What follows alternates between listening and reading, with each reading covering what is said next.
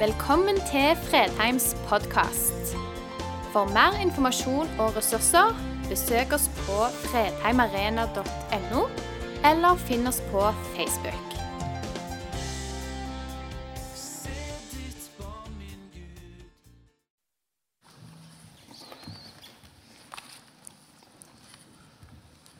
Har du noen gang stilt deg sjøl spørsmålet er jeg egentlig en kristen? Hvordan vet jeg at jeg er det? Jeg har stilt meg det spørsmålet noen ganger opp gjennom livet. Det kan være tvil som sniker seg inn, eller ytre krefter som påvirker meg til å stille de spørsmålene til meg sjøl. Det er et ekkelt spørsmål å stille til seg sjøl. Er jeg egentlig en kristen? Vi begynte den taleserien som vi har nå, med setningen 'tro uttales gave'. Gave er per definisjon noe som du får uten en forventning om at du må gi noe igjen. Det er noe som den som gir det fra seg, gir helt frivillig for at du skal få det. Det du trenger, er å ta imot. Likevel så er det Jeg tror de fleste kristne har kjent på den der føler må prestere allikevel. Føler må gjøre et eller annet. Fordi det er jo for godt til å være sant. Og så sniker denne følelsen seg inn. Er jeg god nok? Er det noen som kjenner seg igjen? Mm. Hva tenker du når du hører ordet tro? Hvordan ser tro egentlig ut? Hva vil det si å tro? For, for noen uker siden, hadde, når Andreas snakket om eh, tro uttales tillit, så sa han denne setningen her. Hvis jeg klarer å finne den igjen. Der var den. Tro handler om et helt liv. Tro er praktisk. Det sa han. ikke dette litt i kontrast til tanken om at troen er en gave? Det er jo på, er jo på mange måter det. Altså, troen er, er, praktisk. Hvis det er en gave, hvordan det, kan det samtidig ha konsekvenser for et helt liv? Det er spørsmålet. Og Det er en refleksjonsrunde som vi også finner igjen i Bibelen. Jeg skal ta dere med gjennom et kapittel som mange syns er svært utfordrende. Noen ville helst strøke det ut av Bibelen, for det så de syns ikke det passer inn med helhetsbildet. Så var forberedt på en spennende kveld.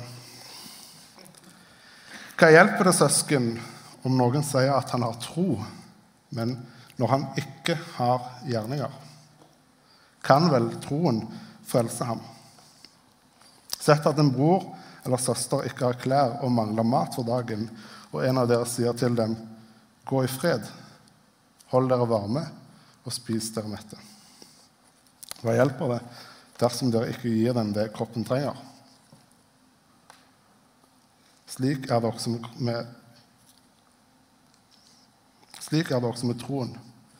I seg selv, uten gjerninger, er den død. Kanskje vil noen si, 'Du har tro, jeg har gjerninger'. Vis meg din tro uten gjerninger, så vil jeg ut fra gjerningene vise deg min tro. Du tror at Gud er én. Det gjør du rett i. Også de onde åndene tror det og skjelver. Du tankeløse menneske. Vil du ikke innse at en tro uten gjerninger er til ingen nytte? Var det ikke pga. gjerninger vår far Abraham ble kjent rettferdig da han bar fram Isak, sønnen sin, på, som offer på alteret. Slik kan vi se at troen virket sammen med gjerningene hans. Og gjennom gjerningene ble troen fullendt. Dermed ble dette skriftordet oppfylt. Abraham trodde Gud, og derfor regnet Gud ham som rettferdig, og han ble kalt Guds venn. Dere ser altså at mennesker kjennes rettferdig pga. gjerninger, og ikke bare pga. tro. Var det ikke slik med Rahab også, hun som var prostituert? Hun ble kjent rettferdig pga. gjerninger, fordi hun tok imot utsendingene og slapp dem ut en annen vei. For som kroppen er død uten ånd, er troen død uten gjerninger.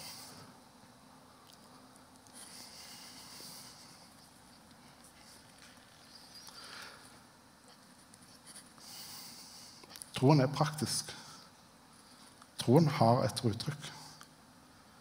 Vil du ikke innse at en tro uten gjerninger er til ingen nytte, skrev Jakob i vers 20. Dette er altså Jakobs brev, kapittel 2, vers 14-26, for de som lurte på det.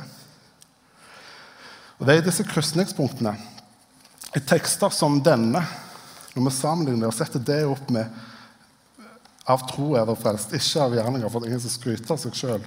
Når vi setter disse opp mot hverandre, så kan det virke som Bibelen motsier seg sjøl. Og det er pga. tekster som dette her vi kan kjenne på denne tanken at jeg er god nok. Vi setter oss sjøl opp mot Guds vanvittige krav til fullkommenhet. Så begynner vi å lure på er jeg god nok. Strekker jeg til? Og så vet vi med oss sjøl at nei, nei, jeg gjør ikke det. Og så kommer de tankene inn. Er jeg egentlig en kristen? Vi vet nå sjøl at vi kommer til kort. Jeg har lyst til å brette noen momenter i denne teksten ut eh, for dere for å forhåpentligvis gi litt mer lys på det.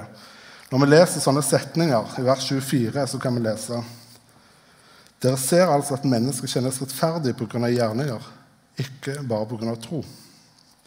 Så står det i kontrast med veldig veldig mange andre vers som vi elsker å sitere. Spesielt i evangeliske, kanskje nesten mer evangeliske menigheter enn i de andre kirkesamfunnene. Vi elsker å løfte fram troen som en gave, og så snakker vi ikke så mye om denne siden her.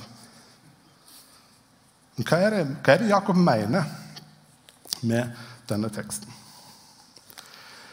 Denne teksten står i en sammenheng. Den står inneklemt mellom to avsnitt.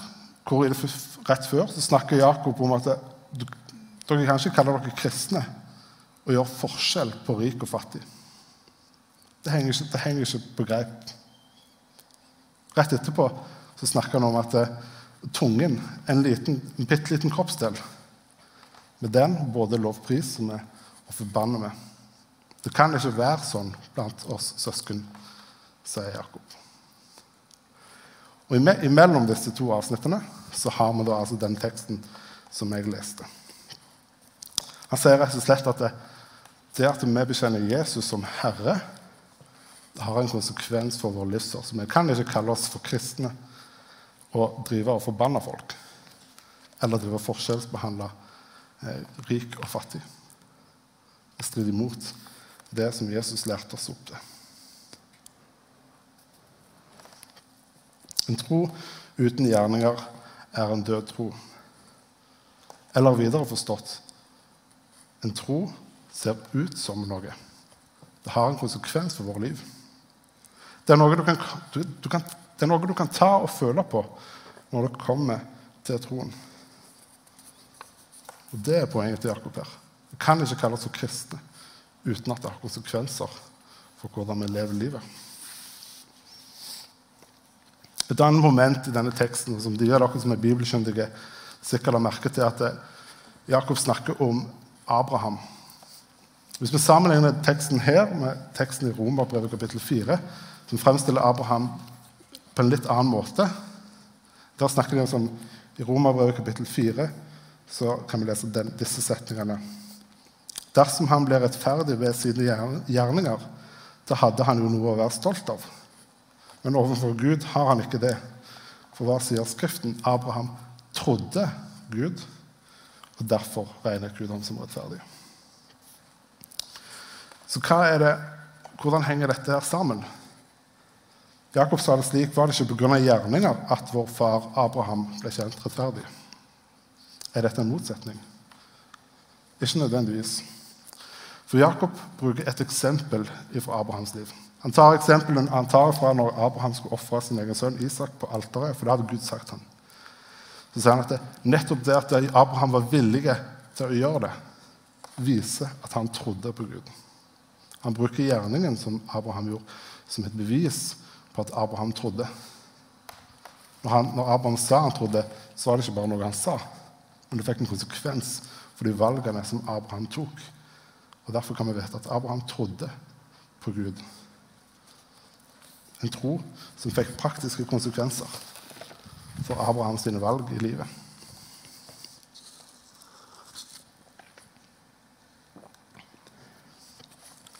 Vis meg din tro uten gjerninger, så vil jeg ut av mine gjerninger vise deg min tro, sier Jakob i 2,18.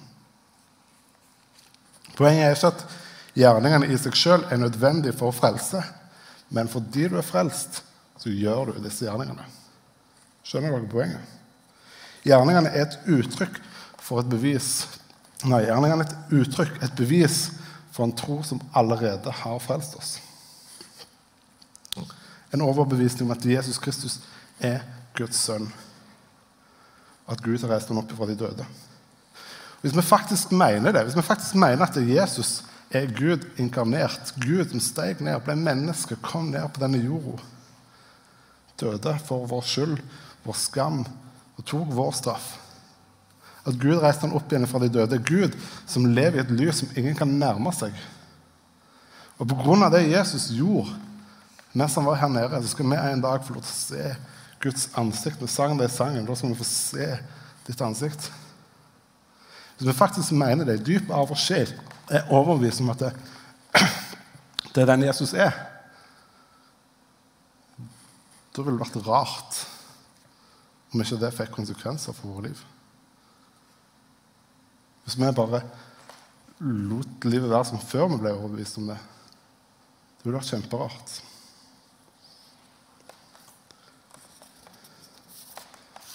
Det er det som er Jakobs poeng.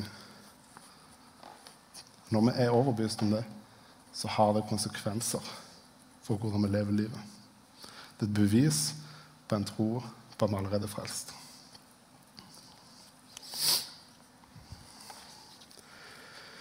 Jesus spør en gang lytterne sine i en preken hvorfor kaller dere meg for Herre, Herre, og gjør ikke det jeg sier. Lukas 6, 24. Jesus poengterer der den åpenbare motsetningen mellom å si at du tror på noe, eller si at du kaller noen for herre, men gjør noe helt annet. La livet ditt handle, altså la livet ditt tale noe annet. Jesus poengterer det, at det, det henger ikke sammen sånn. Hva ser tro ut som? Det er mitt poeng i dag. At tro uttales overgivelse.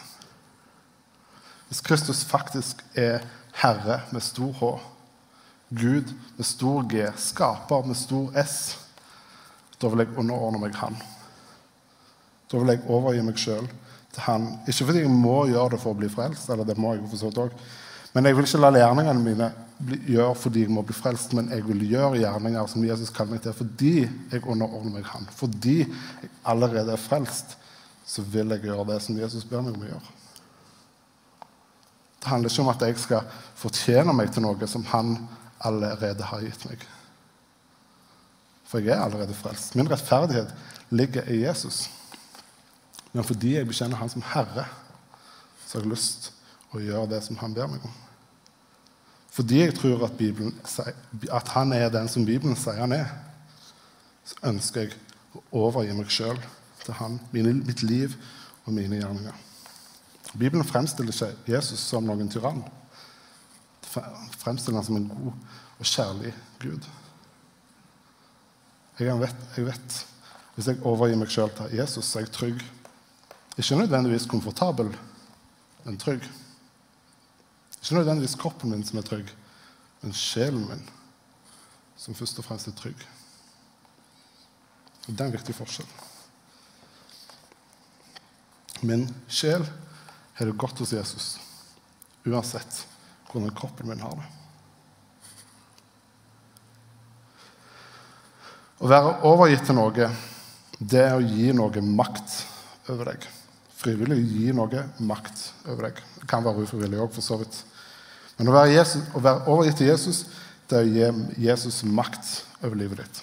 Over fritiden din, over pengebruken din, over ferien din, over jobben din, utdannelsen din det er å gi Jesus makt og innflytelse på disse områdene i ditt liv. Det å si 'Jeg er ikke lenger herre, men du er herre'. Jeg følger deg. Ikke fordi det er nødvendig for frelsen, men nettopp fordi du er frelst. Nettopp fordi du tror at Jesus er den han sier han er, så velger du å gi Jesus innflytelse på disse områdene. Skjønner dere forskjellen? Jeg spurte innledningsvis om dere spurte dere sjøl spørsmålet er jeg egentlig en kristen. Og hvordan vet jeg det? Hvis jeg spør meg sjøl det spørsmålet, så kan, jeg, så kan jeg se på noen valg jeg har tatt i livet. Hvordan det har påvirka jobben min, utdannelsen min, fritiden min. Jeg er ingen morgenfugl, det skal, jeg si deg. Du hadde aldri i livet sett meg på en gudstjeneste klokka 11 en søndagsmorgen. Jeg elsker kveldsgudstjenester, det er favoritten. Du hadde aldri i livet sett meg på en kveldsgudstjeneste klokka 11 en søndagsmorgen hvis det ikke var fordi jeg, jeg trodde på noe. Det har aldri skjedd. Men fordi jeg tror på noe. Jeg går ikke på gudstjeneste søndag klokka 11 for å bli frelst. Jeg går på gudstjeneste søndag klokka 11 fordi jeg er frelst. Sånne valg kan jeg se på som et bevis. Jeg kan peke på noen ting. En tro uten gjerninger er en død, men vis meg Nei, hvordan er han sier det? Vis meg din tro uten gjerninger, så vil jeg ut fra mine gjerninger vise deg min tro. Jeg kan peke på dette at vet du hva, jeg står faktisk opp klokka 11 eller før 11 og går på gudstjeneste klokka 11. Det er liksom ikke min natur. Det er et bevis på at jeg tror på noe.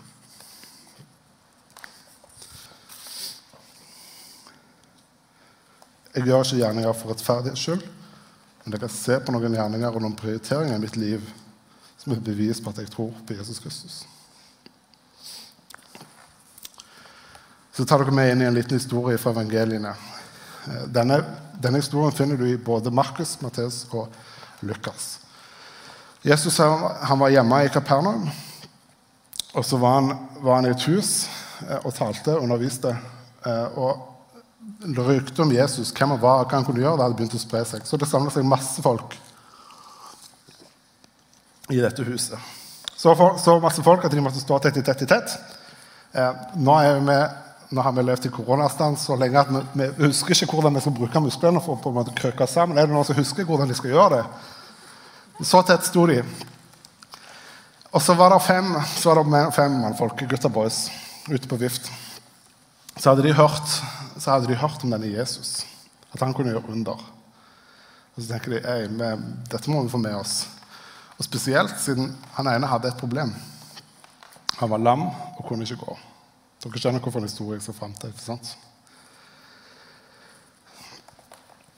Så er det en av de som har den glupe ideen at eh, du, siden det aldri, nesten aldri regner i Israel, så tar vi oss og vi går på taket, så ødelegger vi taket til stakkars huseieren. Han bryr seg sikkert ikke så mye om det. Og så firer vi Jesus eh, ned foran ham. Jeg lurer på hvordan, lurer på hvordan de har tenkt. Hvordan den samtalen når de har blitt enige om at de skal gjøre dette, har utspilt seg. Men de gjør det, og så står det denne, den samme setningen ord for ord i alle tre evangeliene. Da Jesus så deres tro. Tro ser ut som noe. Og hva er det en ser? Ser troll i taket. Det krever overgivelse. Det krever et håp, og det krever en tro på noe. En tro som fikk praktiske konsekvenser for deres valg. De valgte å ødelegge taket til en annen. Bibelen er faktisk ganske tydelig på dette med at en troen har praktiske konsekvenser for livet. En tro uten gjerninger er en død tro, sto det i Jakobs. Eller, eller et annet sånt altså, Vil du ikke innse en tro uten gjerninger til ingen nytte? Det er ikke uten grunn at det står så tydelig med veldig veldig mange vers som sier at det er ikke gjerninger i seg sjøl som gjør meg frelst. Det er ikke gjerninger i seg sjøl som gjør at vi er rettferdige for, for, Gud. Det er det troen som gjør. Og Det er heller ikke Jakobs poeng. Legg merke til at Jakob sier aldri at gjerninger fører til frelse. Men hans poeng er at det er et uttrykk for troen vår. Gjerningene våre er et uttrykk for det vi tror på, et bevis på hvem vi tilber. Hvem vi har overgitt oss sjøl til. Hvem vi lar være herre over livet vårt. Eller sånn som Hebreerne 11,6 sier det. Uten tro er det umulig å være til glede for Gud.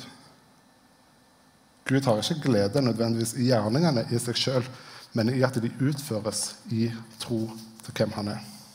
Det er derfor Gud har glede i gjerninger.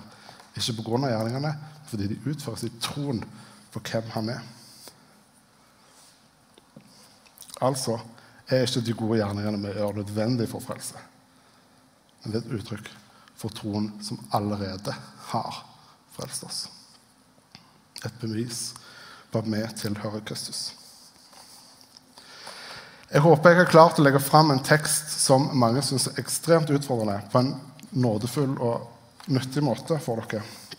En tekst som skjærer inn i samvittigheten til folk, og som treffer folk litt sånn. Det er derfor noen skulle ønske at han ikke var til stede.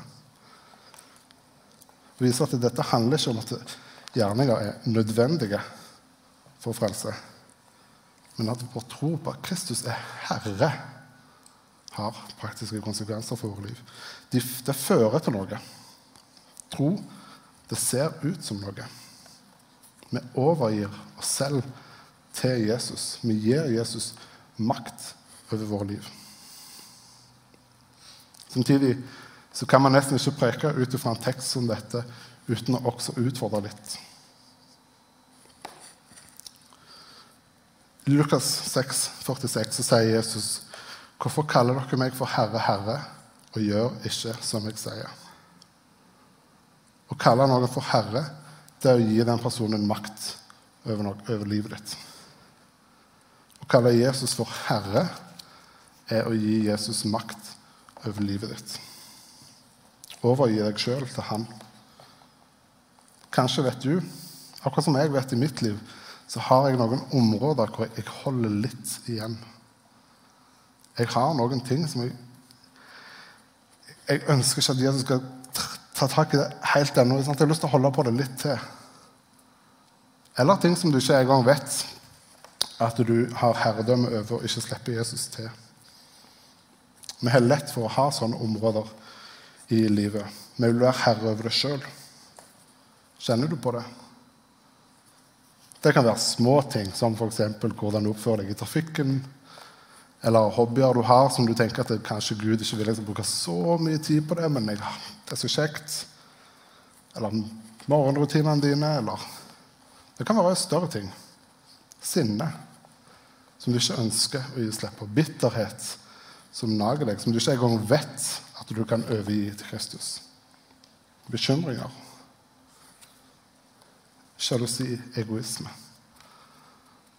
Jesus ønsker å være herre over alle områder i livet ditt.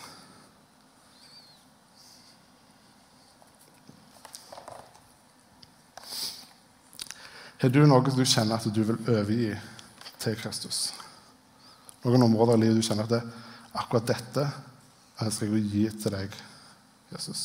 Eller dette ønsker jeg hjelp med å kunne gi til deg. For det er ikke alltid vi har makt over det sjøl til å kunne gi det til Kristus. Vi kjenner oss fanga. Vi skal ha den bønneaksjonen nærmere, komme nærmere Kristus. Og å ta en sånn forandring som det, som regel ikke gjort mandag klokka sju, så setter vi i gang, og så er det fiks ferdig. Det tar som regel litt tid å innarbeide en rytme som gjør at makten føres over fra oss til Jesus. Bruk den tiden til å gjøre akkurat det. Helt sånn avslutningsvis så Hvis alle bare lukker øynene sine og bøyer over, så jeg, jeg, aner ikke hva du kjenner på akkurat nå, men det gjør du. Hvis du kjenner jeg har noe som jeg har lyst til å gi over til Jesus noe som jeg må overgi. Så ønsker jeg at vi har en 10-15 sekunder i, i, stillhet, sånn at det som du kjenner på, og det som andre kjenner på, skal de få lov til i fred for en Gud legge over på ham, og så avslutter jeg med en bønn etterpå.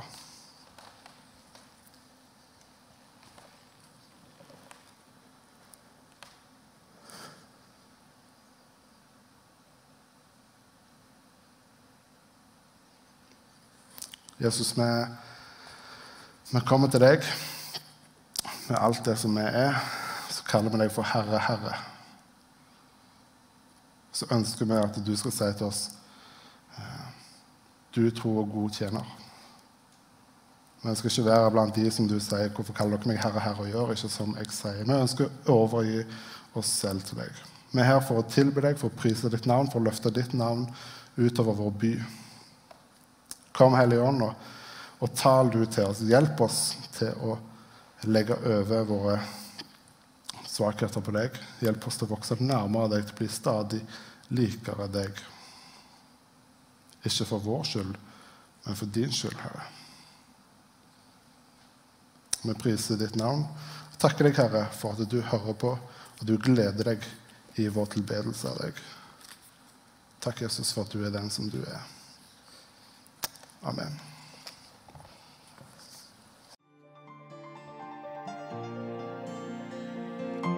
Takk for at du valgte å høre på. Nye opptak legges ut hver uke. Vi har gudstjenester hver helg, og du er hjertelig velkommen.